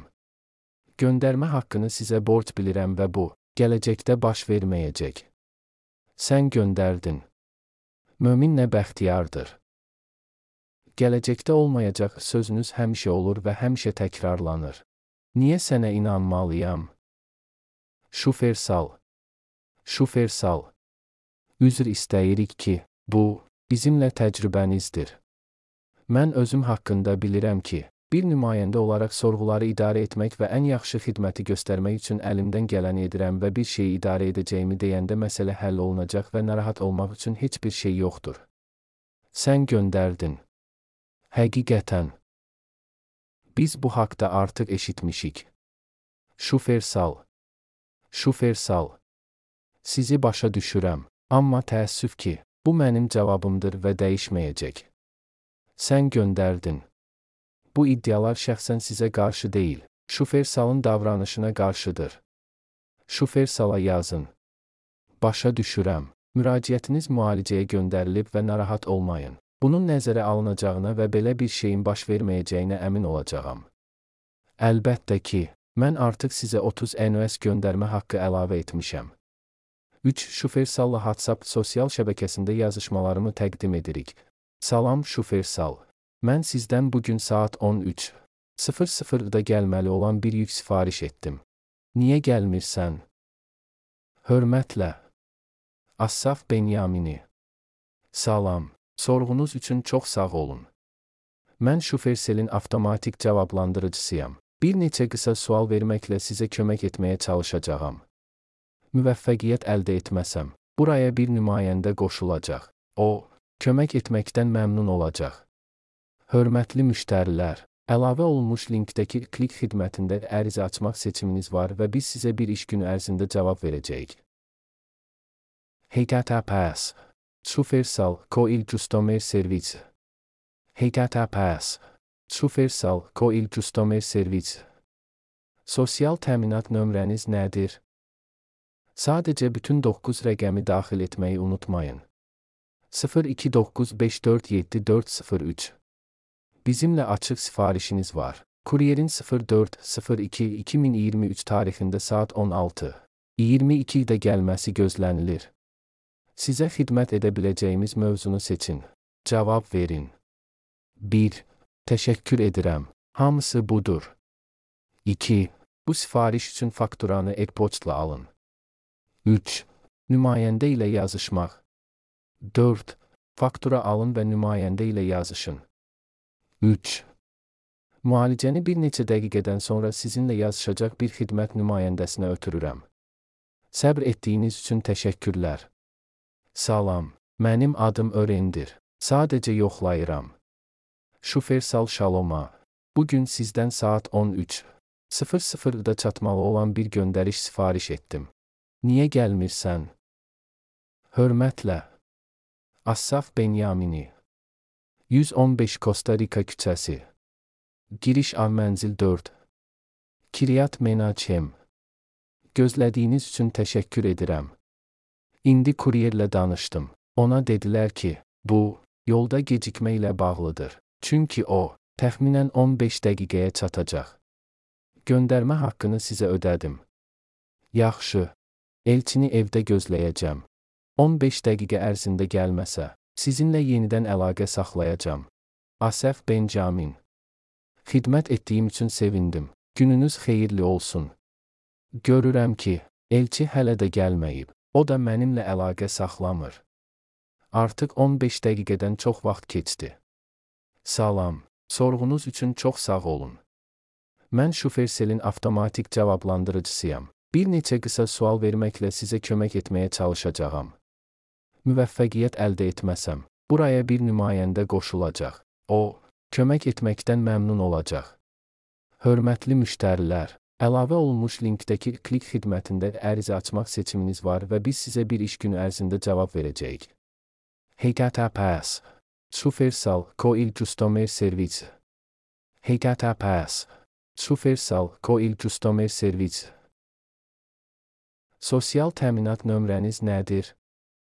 Sadəcə bütün 9 rəqəmi daxil etməyi unutmayın. 029547403 Bizimlə açıq sifarişiniz var. Kuryerin 04.02.2023 tarixində saat 16. 22-də gəlməsi gözlənilir. Sizə xidmət edə biləcəyimiz mövzunu seçin. Cavab verin. 1. Təşəkkür edirəm. Hamısı budur. 2. Bu sifariş üçün fakturanı e-poçtla alın. 3. Nümayəndə ilə yazışmaq. 4. Faktura alın və nümayəndə ilə yazışın. 3. Müalicəni bir neçə dəqiqədən sonra sizinlə yazışacaq bir xidmət nümayəndəsinə ötürürəm. Səbr etdiyiniz üçün təşəkkürlər. Salam, mənim adım Edenni edə bilərəm. Saat 13. 00-da çatmalı olan bir çatdırılma sifariş etdim. Bəs niyə gəlmirsən? Artıq burada xidmət nümayəndələrinə yazmışdım ki, Messenger 15 dəqiqəyə gələcək. 15 dəqiqədən çox vaxt keçdi və Messenger gəlmədi və mənimlə əlaqə saxladı. Nə olacaq? Bəs nə olacaq? Göndərmə niyə gəlmir? Hələ çatdırılmayıb.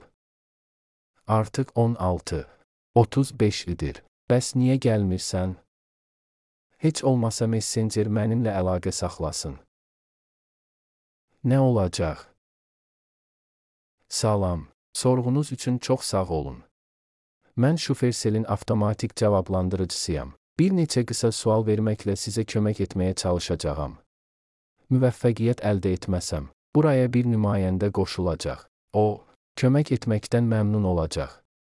Hörmətli müştərilər, əlavə olunmuş linkdəki klik xidmətində ərizə açmaq seçiminiz var və biz sizə bir iş günü ərzində cavab verəcəyik. HTTPS Şufersal Coil Customer Service HTTPS Şufersal Coil Customer Service Sosial təminat nömrəniz nədir? Sadəcə bütün 9 rəqəmi daxil etməyi unutmayın. 029547403 Bizimlə açıq sifarişiniz var. Kuryerin 04.02.2023 tarixində saat 16. 22-də gəlməsi gözlənilir. Sizə xidmət edə biləcəyimiz mövzunu seçin. Cavab verin. 1. Təşəkkür edirəm. Hamısı budur. 2. Bu sifariş üçün fakturanı e-poçtla alın. 3. Nümayəndə ilə yazışmaq. 4. Faktura alın və nümayəndə ilə yazışın. 16 38 24 2023 Şufersal Mən bir neçə dəqiqədən sonra sizinlə yazışacaq bir xidmət nümayəndəsinə təhvil verirəm. Səbr etdiyiniz üçün təşəkkürlər. 16 39 2-4 2023 şofer sal. Salam benim adım Angelika sizin isteğinizle maraqlanacam yoxlayıram. 16 41 2-4 2023 Asaf Binyamini Bəs cəhənnəm niyə göndəriş gəlmir? Bəs Messenger niyə mənimlə əlaqə saxlamır? Niyə? Mən artıq burada bir neçə xidmət nümayəndəsinə yazdım və hər dəfə sorğu başlayanda və qısa müddətdən sonra dayanır. Daha buna gücüm yoxdur. Sadəcə bezdim. Sizin məsuliyyətiniz haradadır? 16 42 24 2023 şofersel. İndicə Messengerlə danışdım. Küçədədir. 2 dəqiqəyə yanınıza gələcək. 16 44 24 2023 Asəf Binyamini. Mən onun həqiqətən gəldiyini görmək istəyirəm. Bu gün siz artıq mənə yazdınız ki, elçi gəlməyə hazırdır. Sonra gəlmədi. Beləliklə, göndərmə ilə gəlsin. Bu oyunları oynamağı dayandırın. 16 45 24 2023 şofersal. Buna görə çox üzgünəm. Ona zəng etdim və o küçədə olduğunu və gəldiyini söylədi. 16 46 24 2023 Asəf Binyamini. Bəs niyə gəlmir? Təxminən saat yarımdır mənə yazırsan ki, elçi gələcək. Gəlmir. 16 47 24 2023 Asəf Binyamini. Zarafat edirsiniz. 16 48 24 2023 şofersel. Biz zarafat etmirik. Elçi bizə nə deyirsə, deyirik. Elçiyə zəng etdim. Cavab verdi ki, sizin küçədəsiniz. Sizin yanınıza gələcək. 2 dəqiqə sonra ona yenidən zəng edə bilərəm. 16 50 2-4-2023 Asəf Binyamini. Odur ki, mənzili tapa bilmirsə, mənə zəng etsin. Mənə necə çatacağını ona izah edim. Mənim telefon nömrəm 58 6784040 972 16 50 24 2023 şofersel. İndi ona zəng edirəm. 16 51 2-4-2023 Asəf Binyamini. Ona deyin ki, mənə zəng etsin. Telefonda 7 rəqəm yazmaq həqiqətən çətin və ya mürəkkəb deyil. 16 52 2-4 2023 şofersal. Mən ona göndərdim dedim ki, mənim üçün qeydiyyatdan keçirdiyin telefon nömrəsinə zəng etsin. 16 54 2-4 2023 Asəf Binyamini. Bəs niyə zəng etmir? Artıq bu cəfəngiyyata gücüm çatmır. Telefonda 7 rəqəmi yazmağın nə problemi var? 16 58 24 2023 şofersal. Elçi hələ də zəng etməyib. 17 00 24 2023 Asəf Binyamini.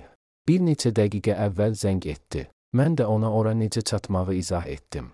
Amma onun gəlməyəcəyini görürəm. Bu axmaq oyunlardan sadəcə dəli ola bilərsiniz. Sadəcə bezdim. 17 02 24 2023 şofersl. Mən indicə kuryerlə danışdım. O, yükü çatdırdığını söylədi. 17 02 24 2023 Assaf Binyamini İndi Messenger gəldi. Sizinlə razılaşdığınız vaxtdan 4 saatdan çox keçib. Sadəcə biabırçılıq. Ayıb.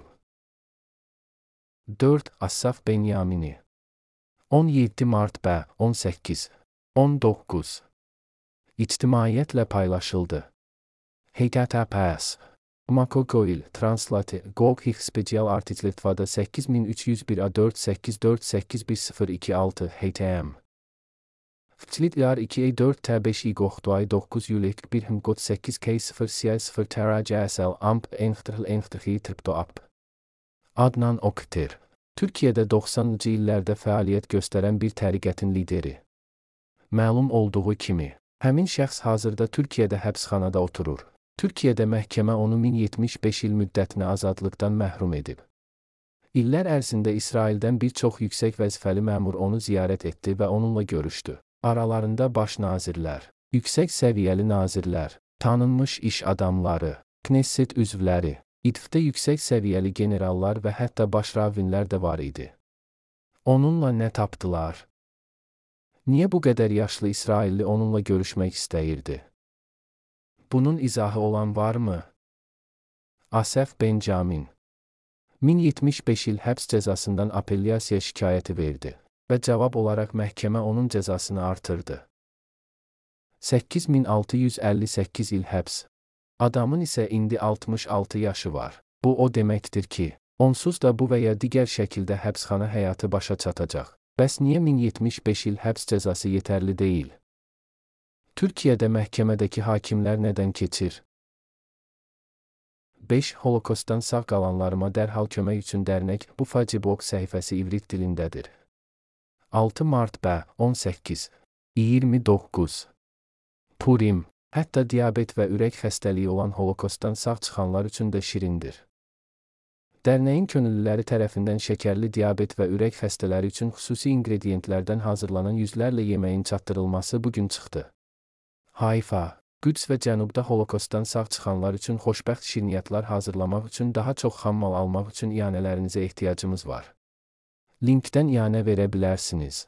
HTTPS Secure Cardcom Solutions EUF 1F 6. Chat köməyi ilə zərərin innovativ inkişafı İbrani dilində məqalə. HTTPS PC Coilnes 379 1076 7. Silvia Lichtin onkologiya tarixi sahəsində mühazirəsi ivrit dilində. HTTPS youtube.com atç və hay 5 və 2 xut 4 8 maddə ivrit dilində. Albi proqramı. Demans və ya Alzheimerdən əziyyət çəkənlər üçün asanlaşdırmağa çalışan proqram. HTTPS İnet Coil Aktivizm artiklı B1E7 xırıcı. Assaf Benyamini Dayan, mən nədən yazmışam? Bağışlayın, unutdum. 9. Baş nazir məhkəmədə mühakimə olunur. Həbsə məhkum edilir və həbsxanaya gedir. Otağa təzə məhbus və baş nazir daxil olur və ona deyirlər: "Burada 2 nəfərlik çarpayı var. Sən aşağıda yatacaqsan, yanındakı oğlan isə yuxarıdakı çarpayıda olacaq." Keçmiş baş nazir: "Nə?" Mən baş nazir idim. Yuxarıdakı çarpayıda yatmağa layiqəm. Mühafizəçilər, bizimlə mübahisə etməyin. Burada siz yox, biz qərar veririk. Keçmiş baş nazir və yeni məhbus. Bilirsən nə? Mənim bir fikrim var. Biz demokratik ölkəyik hələ də. Gəlin bülletenləri otağın ortasına yerləşdirək və otaqdakı bütün məhbuslar taliyüklü suala səs verəcəklər. Baş nazir yuxarıdakı çarpayıda yatır. Yoxsa aşağıda? Çoxluq qərar verəcək.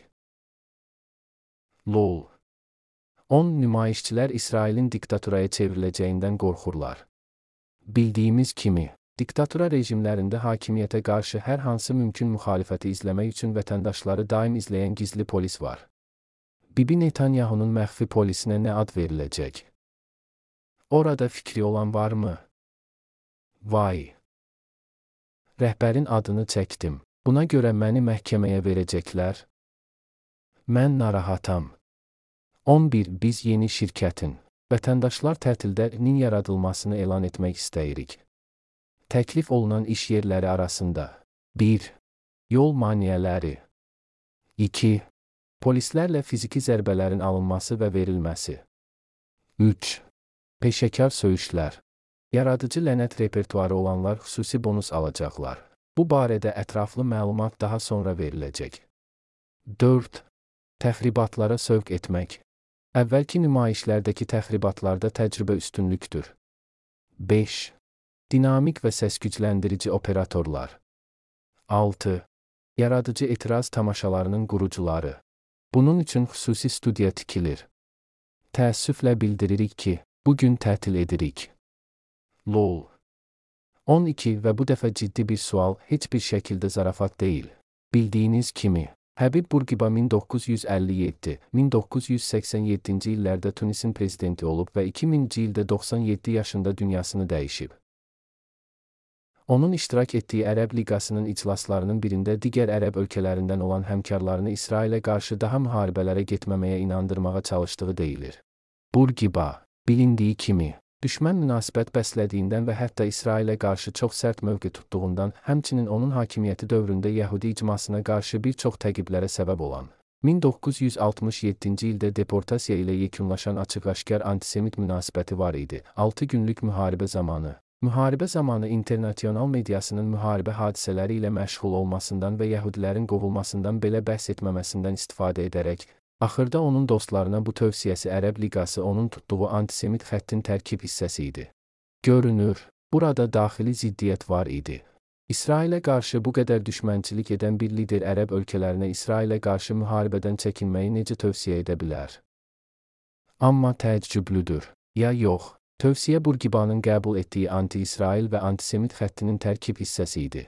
O, Ərəb Liqasındakı dostlarına izah etməyə çalışdı ki, real və kifayət qədər güclü xarici təhlükə olmadığı halda, İsrail dövləti daxili ziddiyyətlər və çəkişmələr səbəbindən daxildən parçalanacaq. Bu günlər və məhkəmə sistemində islahatlar ətrafında gedən müzakirələr haqqında nəsə anlamaq olarmı? Bu səbəbdən Burqiba İsraillə birbaşa hərbi qarşıdurmanı ərəb ölkələrinin İsrail dövlətini ləğv etmək məqsədinə xidmət etməyən, əslində isə tam əks nəticəyə səbəb olan bir şey kimi görürdü. Məlum olduğu kimi, digər ərəb ölkələrinin nümayəndələri Burqibanın bu mövqeyini qəbul etmədilər. Məlum olduğu kimi, heç bir ərəb ölkəsi tərəfindən dəstəklənmirdi. Burada hələ də bəzi açıq suallar var. 1. Bu görüş neçənci ildə olmuşdur? Burqibanın prezidentliyi dövründə idi. Və əgər Burqiba bu görüşə öz prezidentliyindən kənarda gəlibsə, ondan əvvəl və ya sonra Tunisdə necə qarşılanıb? 2. Bu görüşün protokolu varmı? İclasın protokolu dərc edilmədisə, bunun səbəbləri nə idi? Və əgər protokol varsa, o, heç İbrani dilinə tərcümə olunubmu? 3. Həmin Yeşivanın geosiyasi kontekstləri nə idi? Ərəb ölkələrində İsraillə qarşıdurma ilə bağlı Burqibanın bu yanaşmasını dəstəkləyən ictimaiyyət var idimi? Yoxsa müxalifət tam və geniş idi? Maraqlı. 13 təklik zövqlü Şimali Koreya ordusunda şübhəli və cinayətkar fəaliyyət göstərən hərbi bölmə. Qərb ölkələrindən olan qadınların casusluq məqsədilə bu bölməyə sızmağa çalışması mümkündürmü? Bu şəkildə Şimali Koreyada baş verənlərlə bağlı məlumat toplamaq cəhdləri ola bilərmi? Yoxsa bu bölməyə sızaraq ilanın başını Kim Chen-in yox etməyə çalışmaq? Görünür, buna cavab yoxdur. Belə bir fəaliyyət olsa belə, çox güman ki, heç bir ölkənin kəşfiyyat təşkilatı bunu etiraf etməz. 14 İsrail dövlətində yeni idman liqası yaradılır. İş yerləri üçün avtomobil yarışı, İlk yarışın iştirakçıları 1. İstadrut Psixiatrları komandası 2. Polis komandası komandaya qəbul üçün zəruri şərt. Namizədin güc tətbiq etmək və etirazçıları döymək qabiliyyətini nümayiş etdirdiyi ən azı 15 hal. Namizəd bunu sübut edən videoları əlavə etməlidir. 3. Knesset işçilərinin komandası 4. Dövlət şirkətlərinin baş direktorları komandası Kim qalib gələcək? Kim daha böyük yırtıcılıqla hərəkət edəcək? Gələcəkdə müsabiqədə iştirak etməkdə maraqlı olan hər hansı digər iş yeri komandası yırtıcı davranışı ağlabatan səviyyədə sübut etməlidir. Yırtıcılığın kifayət qədər sübutu olmayan müraciətlər qəbul edilməyəcək. Müsabiqə zamanı komendant saatı bütün İsrail sakinlərinə tətbiq olunacaq. Onu tətbiq edəcək polis əməkdaşlarının siyasi istisna olmaqla yarış günlərində evinin qapısından bayırda 1 metr, 2 santimetr, 2 millimetr, 3 mikron və 15 millimikrondan çox məsafədə yaxalanan sakin ömrünün sonunadək psixopatik təcridxanaya salınacaq. Həyat. Lol. 15 və bu dəfə ciddi bir məsələ və heç bir zarafat deyil. Bildiyimiz kimi, anormal və həddindən artıq intensivliyə malik səsküy sağlamlığa ciddi ziyan vura və ya hətta ölümə səbəb ola bilər. Bununla belə, Məlum olduğu kimi, hal-hazırda, məsələn, döyüş zamanı düşməni silah, top və ya raketlərlə birbaşa formada vurmaq üçün akustik alətlər yoxdur. Dünyanın müxtəlif orduları üçün gizli şəkildə belə silahların hazırlanması mümkündürmü? Və paradoksun kənarında qeyri-adi səs intensivliyi ilə açılan silahlar. Sakitcə, bu cür silahların mövcudluğu, əgər onlar hazırlanarsa, gələcək döyüş meydanına necə təsir edəcək? Ola bilsin ki, təsəvvür etməyə cəhd etmək olar. Ancaq bu gün bu barədə cavab almaq mümkün olmadığını güman etmək olar. 16 Batyamda İsrail dövlətinin Batyam şəhəri sürücüyə qarşı necə qəddarlıq var? Dünyamızda nə pis insanlar var. Sadəcə biabırçılıq. HTTPS FB açıqlıq 0 Video və izahatlar ivrit dilindədir. O 4 aprel 2023-cü ildə Google İsrail şirkətinin Facebook səhifəsində buraxdığım mesaj aşağıdadır. Google İsrail şirkətinə salamlar. 13 mart 2023-cü ildə YouTube kanalını açdım. HTTPS youtube.com channel ucbiforste 7 yevpil. Amma hazırda problemlə qarşılaşıram. Yeni videolar yükləmək mümkün deyil. Səbəb YouTube sisteminin tələb etdiyi yoxlama prosesini tamamlaya bilmirəm və dəfələrlə ilişib qalıram. Nə etməli? Bu qüsuru necə aradan qaldırmaq olar? Hörmətlə. Asəf Binyamin 115 Costa Rica küçəsi. Giriş av mənzil 4 Kiryat Menachem. Yerusəlim. Poçt kodu. 9662592 Telefon nömrəsi 972 58 6784040 Postscriptum 1. Şəxsiyyət nömrəm 0295474403 2. Sözü gedən YouTube kanalı ASP783 agmail.com e-poçt ünvanı ilə əlaqələndirilir. 3. Kanala uğursuz video yükləmə cəhdləri zamanı aldığım xəta mesajının ekran görüntüsünü bura əlavə edirəm. C. Linklərim 1. Freelancer.com saytı 2. Koordinator elmi gələcək 3. Xristianlıq üzrə mütəxəssis Harniyə aid məlumatı əhatə edəcək. 4. Festival bağlanmış bir qızın analara və qızlara sifariş etdiyi bir təcrübə. 5. İsrailin kəpənəyi layihəsi. 6. Demokrat İnstitutu. 7. Redaksiya heyəti düyməsinə. 8. Proyektiv o boşluq qadınlara istiqamətli sahə ilə əlaqədar akademik araşdırmalar edir. 9. Dərnəyin yerlər rezerv edildi, çatışmazlığı nevroloji çətinlikləri olan uşaqlar üçün mədəniyyət nümayiş etdirir. 10. Burada bina dülgərlik köçəri emalatxanaları. 11. Bitçuti, kom şəbəkəsi.